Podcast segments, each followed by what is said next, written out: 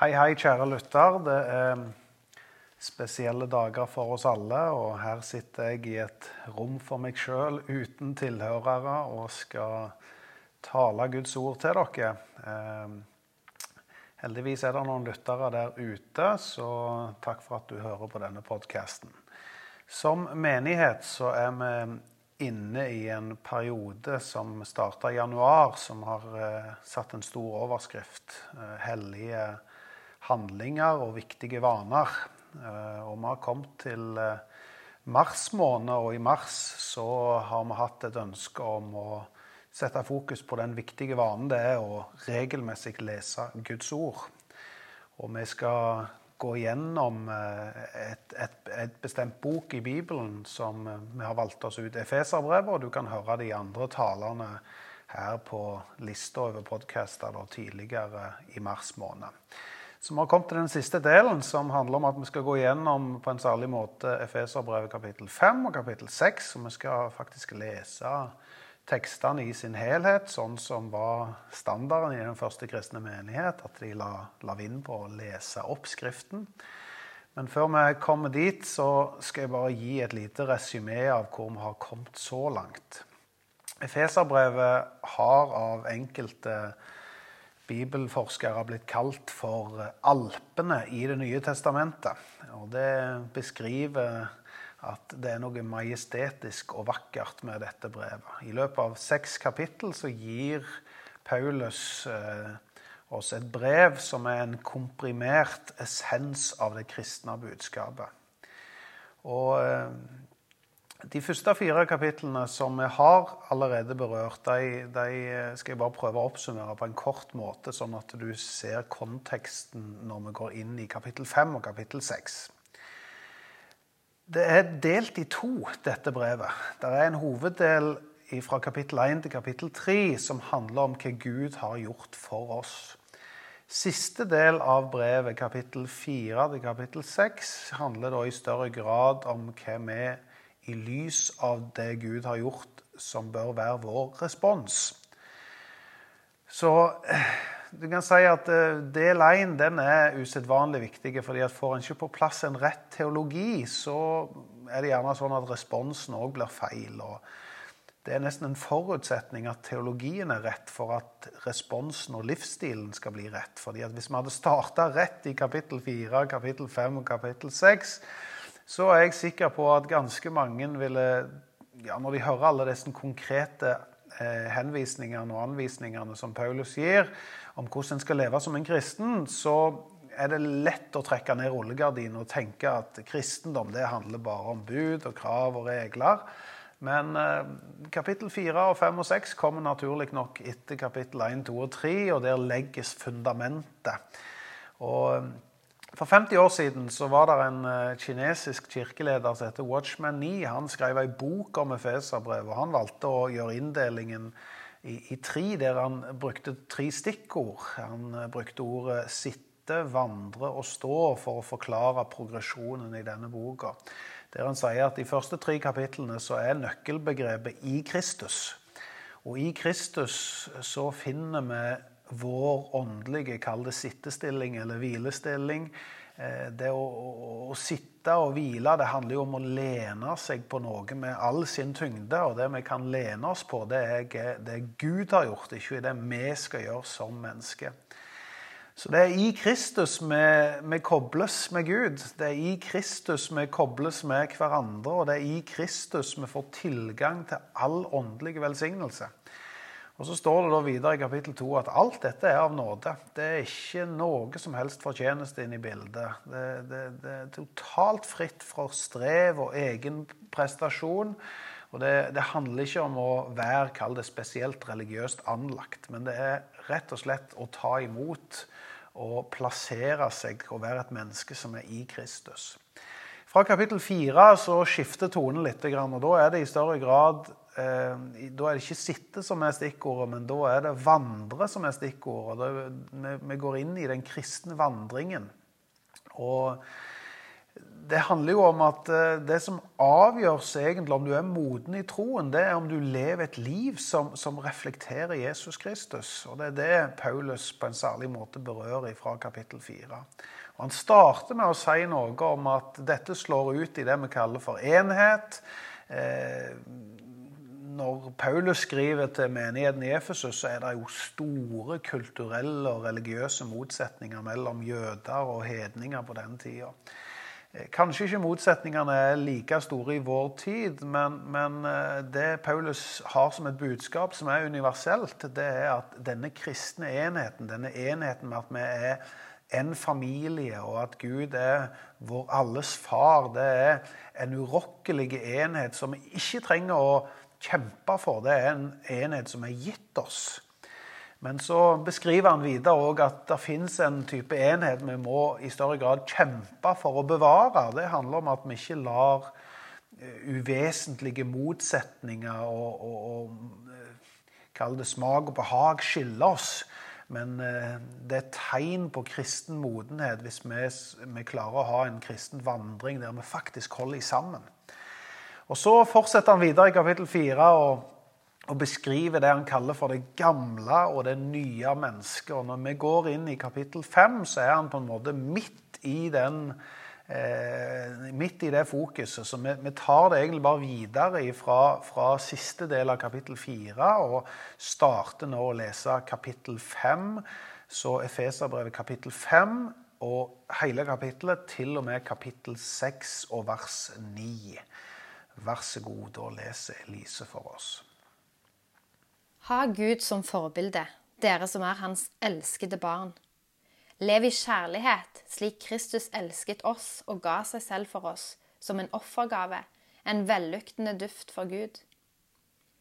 Hor, all slags urenhet og grådighet må det ikke engang være tale om hos dere. Slikt sømmer seg ikke for hellige. Rå ord, tåpelig tale og grovt snakk er også upassende. Si heller takk til Gud.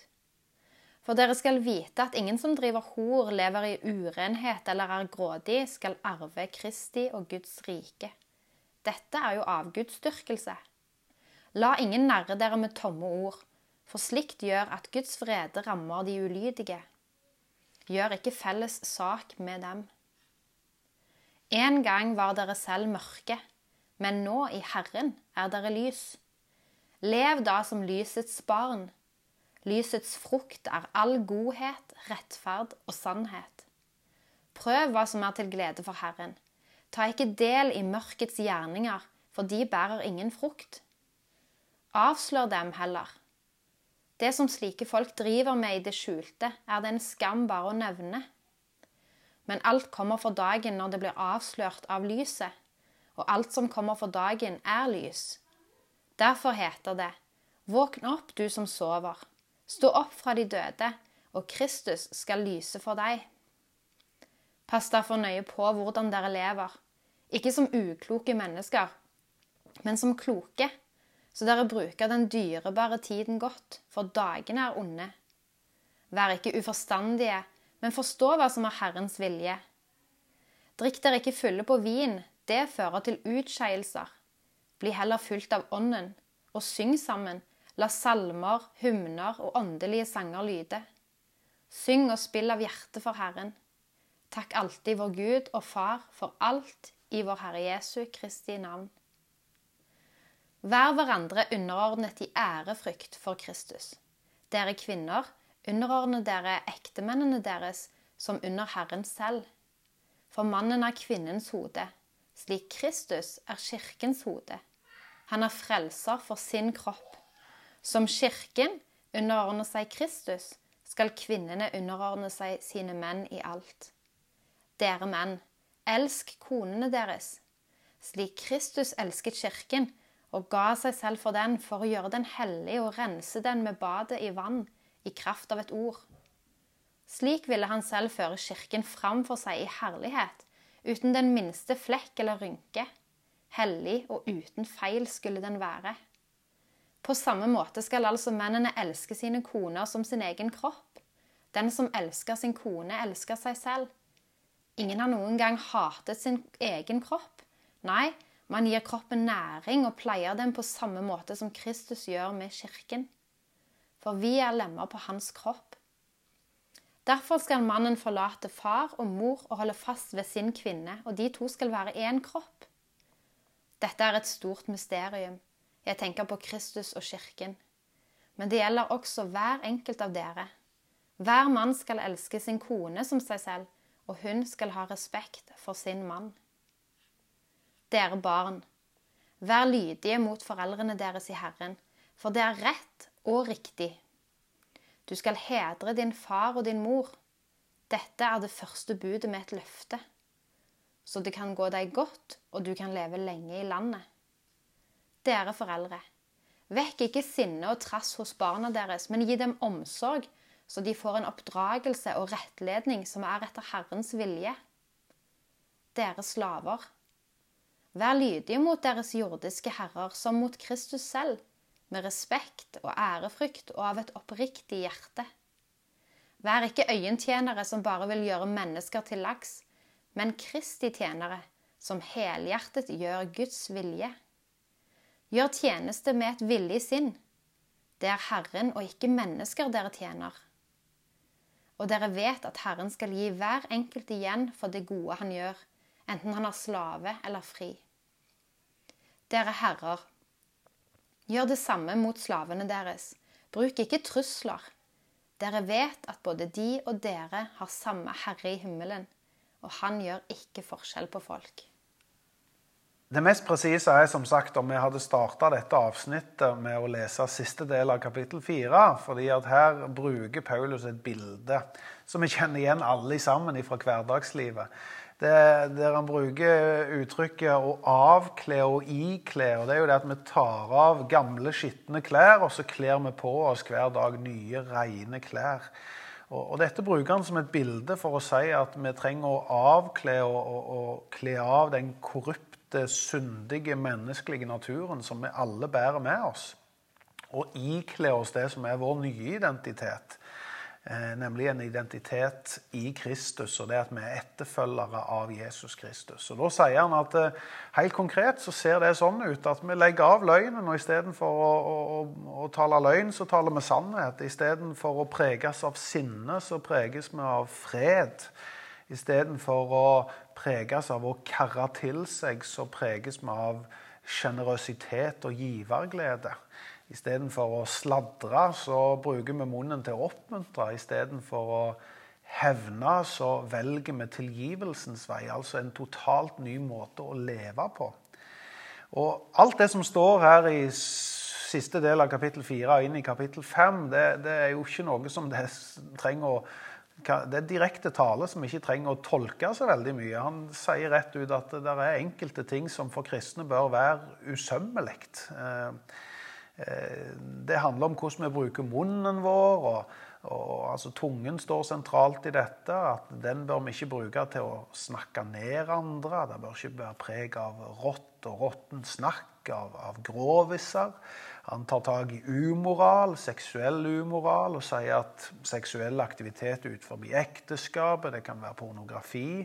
Altså Alle disse her tingene sier han at dette er rett og slett usømmelig for en kristen. Og så lister han heller opp en ny standard og sier at den standarden vi bør sette for oss sjøl som etterfølger av Jesus, det handler om å leve i godhet og i rettferdighet og i sannhet. Da er vi det som Bibelen kaller for lysets barn.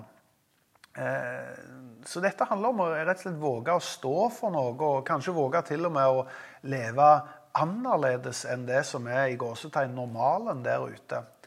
Eh, så for en kristen så bør jo det naturlige være at, at Jesus Kristus er vårt forbilde. og Da bør vi òg tenke at vi skal leve sånn som han.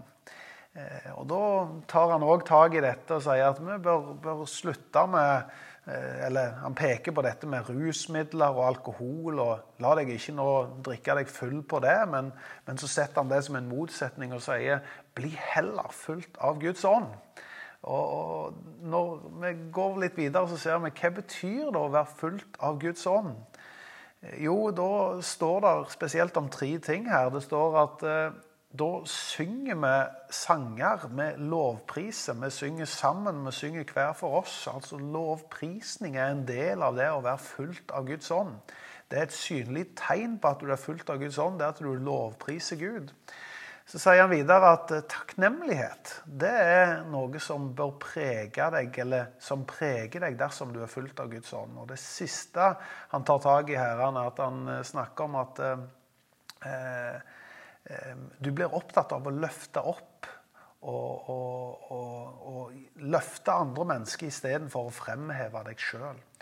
Det er jo sånn at Hvis du skulle oppsummere det som eh, Paulus sier er et åndsfullt liv, så handler det om å elske Gud og elske de neste. og De som er kjent med Bibelen, vet jo det at dette er jo essensen av det kristne budskapet. Det handler om å elske Gud og elske sin neste.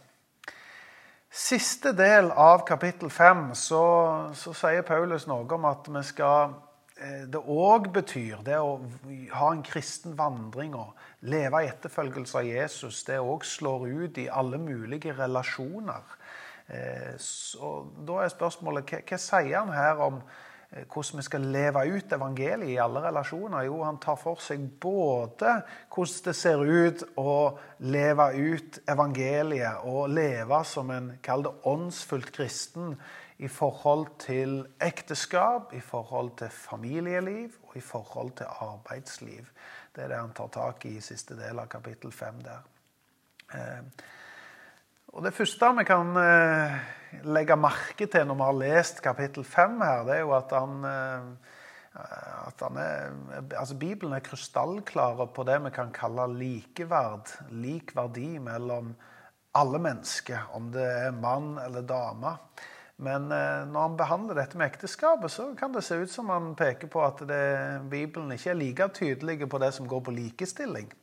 Nå vet jeg at det er politisk ukorrekt å si noe sånt som det, fordi at det er jo Selvfølgelig skal det være likestilling i vår tid, men, men eh, Bibelen er litt mer sånn at jo, men det fins forskjell på mann og kvinne. Det fins forskjell i kjønn og egenskap osv. Eh, og, og leser vi Bibelen i, fra, fra perm til perm, så ser vi det at Gud han skapte først, først, mannen, og deretter skapte han kvinnen. og eh, en, jeg, jeg, hørte ei dame beskrive dette på en god måte. Det er akkurat som når jeg skriver, sier hun. Først så gjør jeg en kladd eh, før jeg virkelig gjør det med presisjon. Så, så Gud perfeksjonerte tydeligvis eh, skaperverket med å skape kvinnen. Og det er helt tydelig at, eh, tydelig at, at mannen er jo egentlig hjelpeløs uten kvinnen. Så det er jeg den første til å skrive under på. Eh, men, men, poenget mitt er å si at Bibelen er krystallklare på at det er et likeverd i kjønn. Og det er jo et revolusjonerende budskap i den tida. fordi at i den tida så sto jo mannen høyt heva over, eh, over eh, alle andre. Slaver og barn og, og, og, og kvinner var likestilte, og, og, mannen var det suverene. Og Her kommer Bibelen inn med et klart budskap om likeverd, selv om ikke kanskje likestillingen er tydelig i Bibelen. Eh, og det, det, gjør at denne teksten har provosert mange opp gjennom tiden. Og jeg vil påstå at det kanskje er en av de mest misbrukte tekstene i, i hele Bibelen. fordi at eh, det vi må merke oss, det er jo det at eh, her står det ikke om forholdet mann-kvinne som en kommando til mannen om å få kvinnen til å underordne seg. Eh, her står budet, altså imperativet, står til kvinnene direkte. Det står til barna direkte, og det står til slaver direkte. Og det, det, betyr jo at uh, vi egentlig er på en helt uvanlig måte å skrive på. fordi at i den gresk-romerske kulturen så, så, skulle huset styres av mannen. Sånn at uh, både kone og barn og slave var, var, på en måte mannens eiendom, og det skulle han styre over. Og Derfor så, så er liksom de normalt sett i skriftene fra den tida, ikke-religiøse skrifter, så er det liksom anvisning om hvordan mannen skal styre hjemmet og styre slavene sine. Men, men, her snur altså Paulus og så gir han ikke anvisning til mannen hvordan han skal styre, men han gjør noe radikalt annerledes. Han henvender seg til hver enkelt og gir den enkelte anvisning. Eh, det betyr at han tar den enkelte på alvor. Og, og, og, det er jo Bibelens budskap hele veien. Gjennomgående. Det er at, at Guds ord tar ethvert menneske på alvor. Og så snur han autoriteten her eh, og, og, sier da eh, til mannen eh, på en måte at eh, eh han skal elske kona som seg sjøl. Og, mannen skal gi livet sitt for henne. Og jeg tror at vi fort, når vi leser disse her versene, henger oss opp i feil ting. fordi det blir liksom kvinnevers for oss, og så eh, kan det hende at vi ender opp med å rett og slett misbruke Bibelen fordi at vi tar ut vers, og så snakker vi ned kvinnen. Men det er jo ikke det som er Paulus sitt budskap i det hele tatt. Eh, det han sier til kvinnen, er jo at hun skal, hun skal respektere mannen sin. Det står at hun skal underordne seg, til og med. Og det står til mannen da, som en direkte anvisning at han skal elske eh, kona si. Og på en måte så er jo ikke dette kontroversielt i den forstand at, at summen av Bibelen er jo at uh, dette er jo et budskap egentlig til alle. Det står jo at vi skal respektere alle mennesker. Vi skal underordne oss hverandre. Det står at vi skal elske hverandre. Så de anvisningene Paulus kom med til kvinnen og til mannen, det er jo i en større kontekst er det sånn at det er et budskap som er universelt, og som, som gjelder absolutt alle. Så når du leser litt mer nøye, så ser du at de versene som er typisk til kvinnen, fra vers 22 til 24, og, og de versene som er i større grad direkte til mannen, som er fra vers 25, så er det jo faktisk dobbelt så mye tekst som er, er, er direkte retta mot mannen. Så hvis du stiller spørsmålet sånn som dette, hva betyr det at kvinnen skal, være, skal underordne seg? For det, det, står jo her at kvinnen skal underordne seg. Så, så vil jeg faktisk påstå at eh, for å finne svaret på det, så tror jeg faktisk det er lettere å snu spørsmål og stille spørsmålet på en annen måte. Så istedenfor å spørre hva betyr det at kvinnen skal underordne seg, så mener jeg at det er et bedre spørsmål, eller du får mer svar med å si hva betyr det at mannen skal være kvinnens hode? For det står jo òg i denne teksten. Fordi at Finner du svar på det, så tror jeg kanskje du finner en, en, anvisning om hva det vil si å underordne seg. Og da, da er det jo klart at eksempelet og standarden som Paulus løfter opp, det er at mannen skal være hodet på samme måte som Kristus er hodet for kirken. Og Da er spørsmålet hvordan var Kristus overfor kirken? Hvordan var Jesus overfor kirka? Jo, han var utelukkende tjenerne. Han ga seg sjøl. Han ofra livet sitt for kirka. Det er jo det som gjør at vi kan være kristne i dag. Det som gjør at vi er i kirka i dag. Det er at Jesus var selvoppofrende, tjenerne Han var villig til å dø for. Så hvis ekteskapet skal peke på forholdet mellom Kristus og kirka, og Kristus er malen for mannen, så betyr det kort og godt det å være hodet for kvinnen. Det betyr å være dønn uegoistiske. Det betyr å være selvoppofrende, en tjener.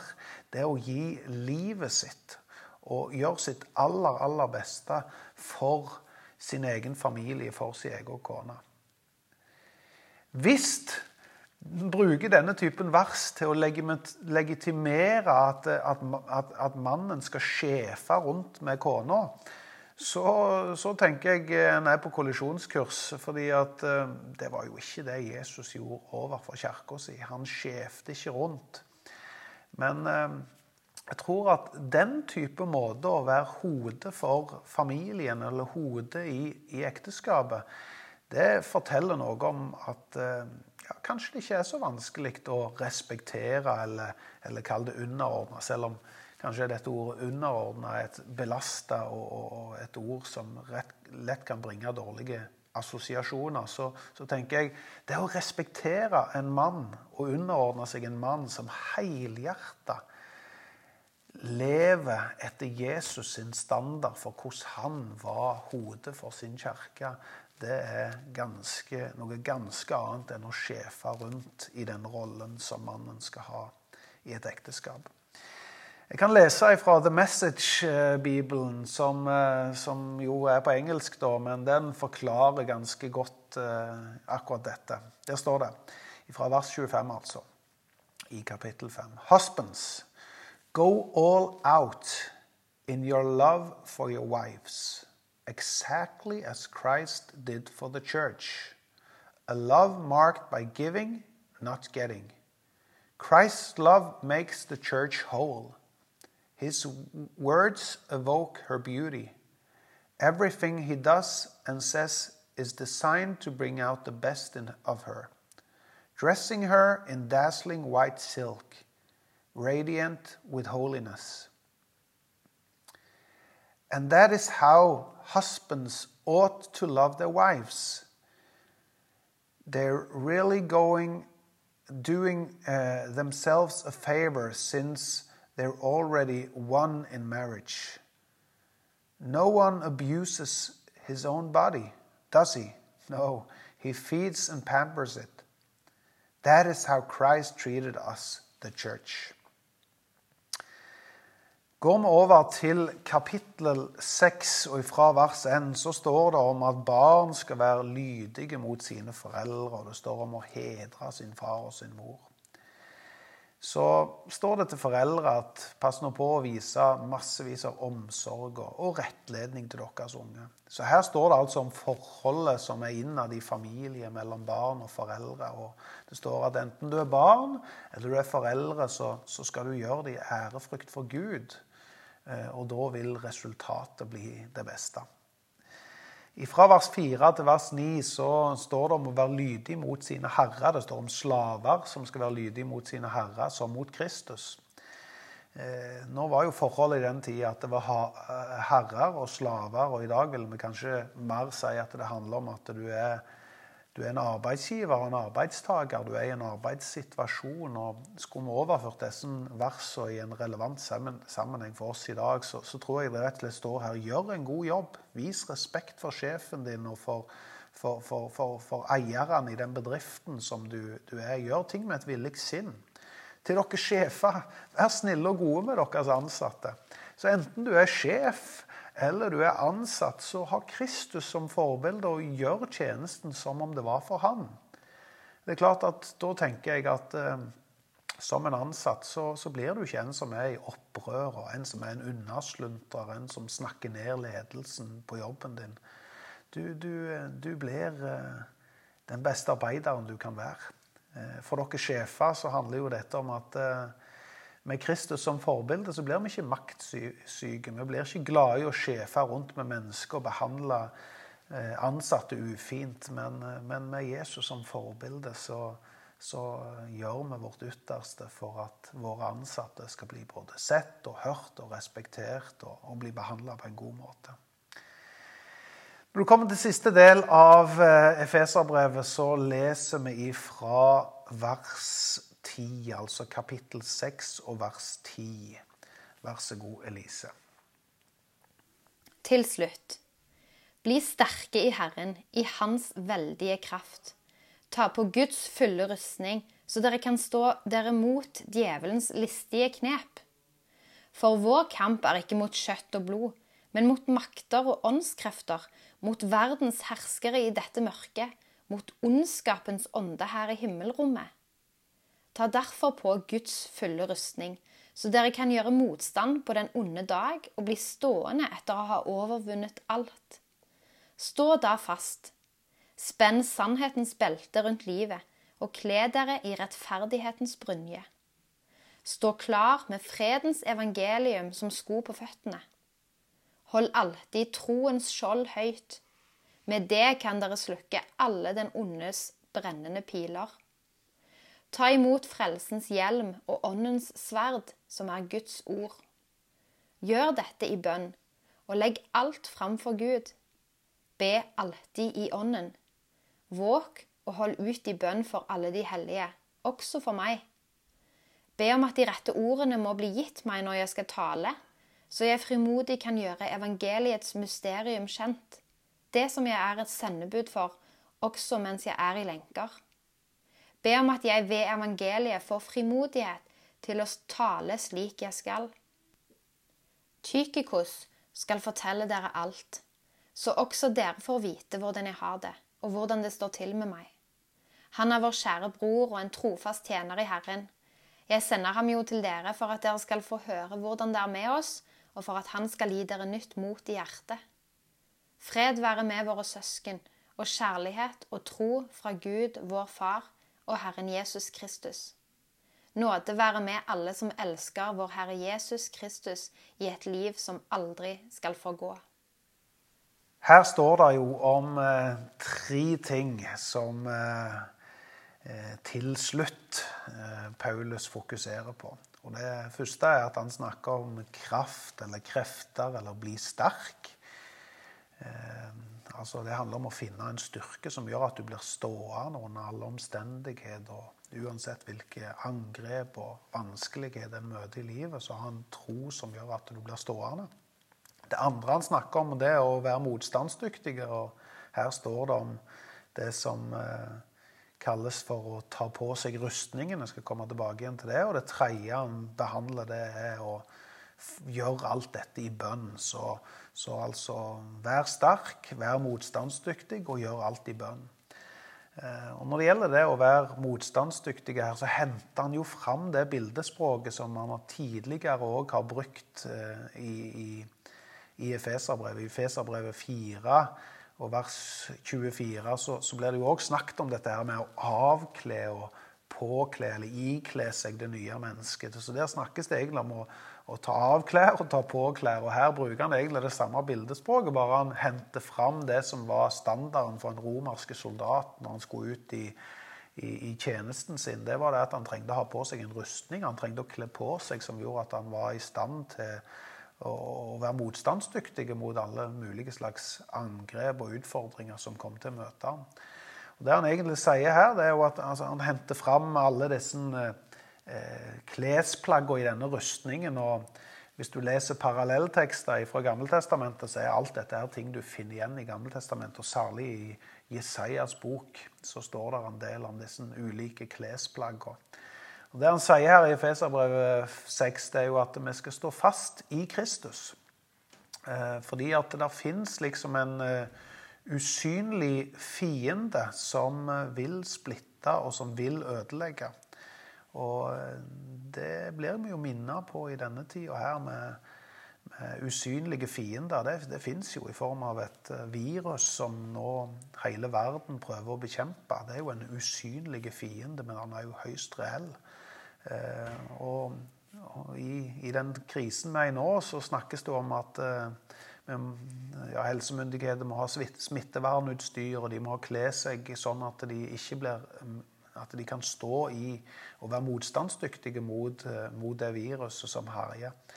Og Skulle vi brukt det som bilde, så kan vi si at det er jo egentlig litt det samme som står her. At det kler på deg en rustning, fordi at det fins en verden der det fins usynlige eh, angrep, der det, der er en usynlig verden som, som, som det onde og djevelen opererer i. Og, og, for å møte de angrepene som kommer òg på et åndelig plan, så, så, trenger vi å kle på oss en, en rustning som, som står støtt i den stormen.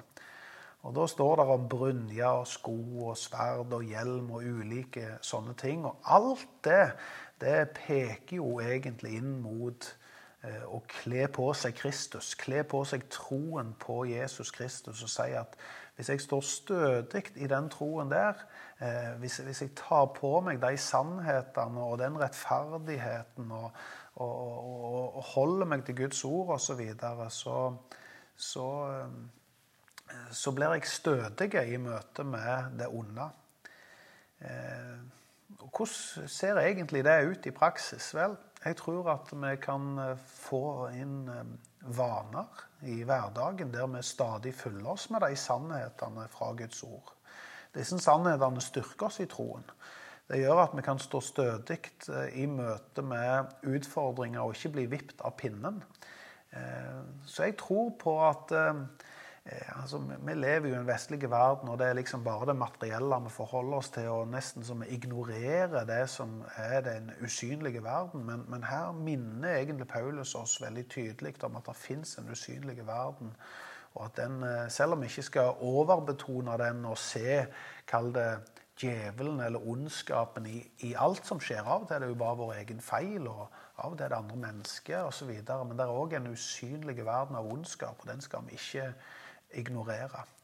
Eh, så avslutter han med å si at når du kler på deg alt dette, når du skal stå stødig og være motstandsdyktig, så gjør alt dette i bønn.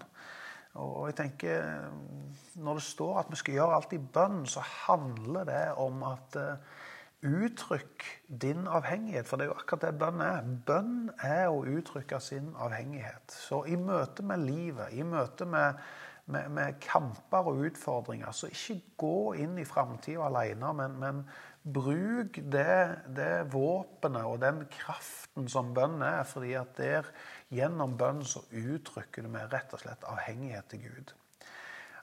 Det aller aller siste han sier i, i Efeserbrevet, det er at vi må, eh, må Guds nåde være med dere alle. Og Det er der jeg ønsker å avslutte denne hilsen og si at eh, jeg ønsker Guds nåde og Guds fred over dere alle. Og eh, vil be en liten bønn helt til slutt. Herre Jesus Kristus, takk for at eh, du gir oss en anvisning her, både om hvordan vi skal leve livet vårt i etterfølgelse av deg. Vi ønsker å være sånne som reflekterer eh, deg, Jesus, med måten vi lever på. La vår vandring være noe du har behag i. Og når vi møter ting i livet utfordringer, kamper, eh, til og med ondskap ifra djevelen og, den usynlige verden. Så la oss ikke være, eh, ignorere det, Herre, men jeg ber om at vi skal bli sterke. Og at vi skal stå stødig gjennom alt. Og at disse klesplaggene, herrene, denne rustningen som det her snakker som, som egentlig betyr å, å, stå fast i troen på deg og være et menneske som er i Kristus. Herre, la oss få bevisstgjøre oss om at vi fòrer oss med de sannhetene som gjør at vi står fast i troen og er i stand til å møte alle slags uh, ondskapens angrep som måtte komme mot oss. Herre, jeg ber om det i Jesu navn. Amen.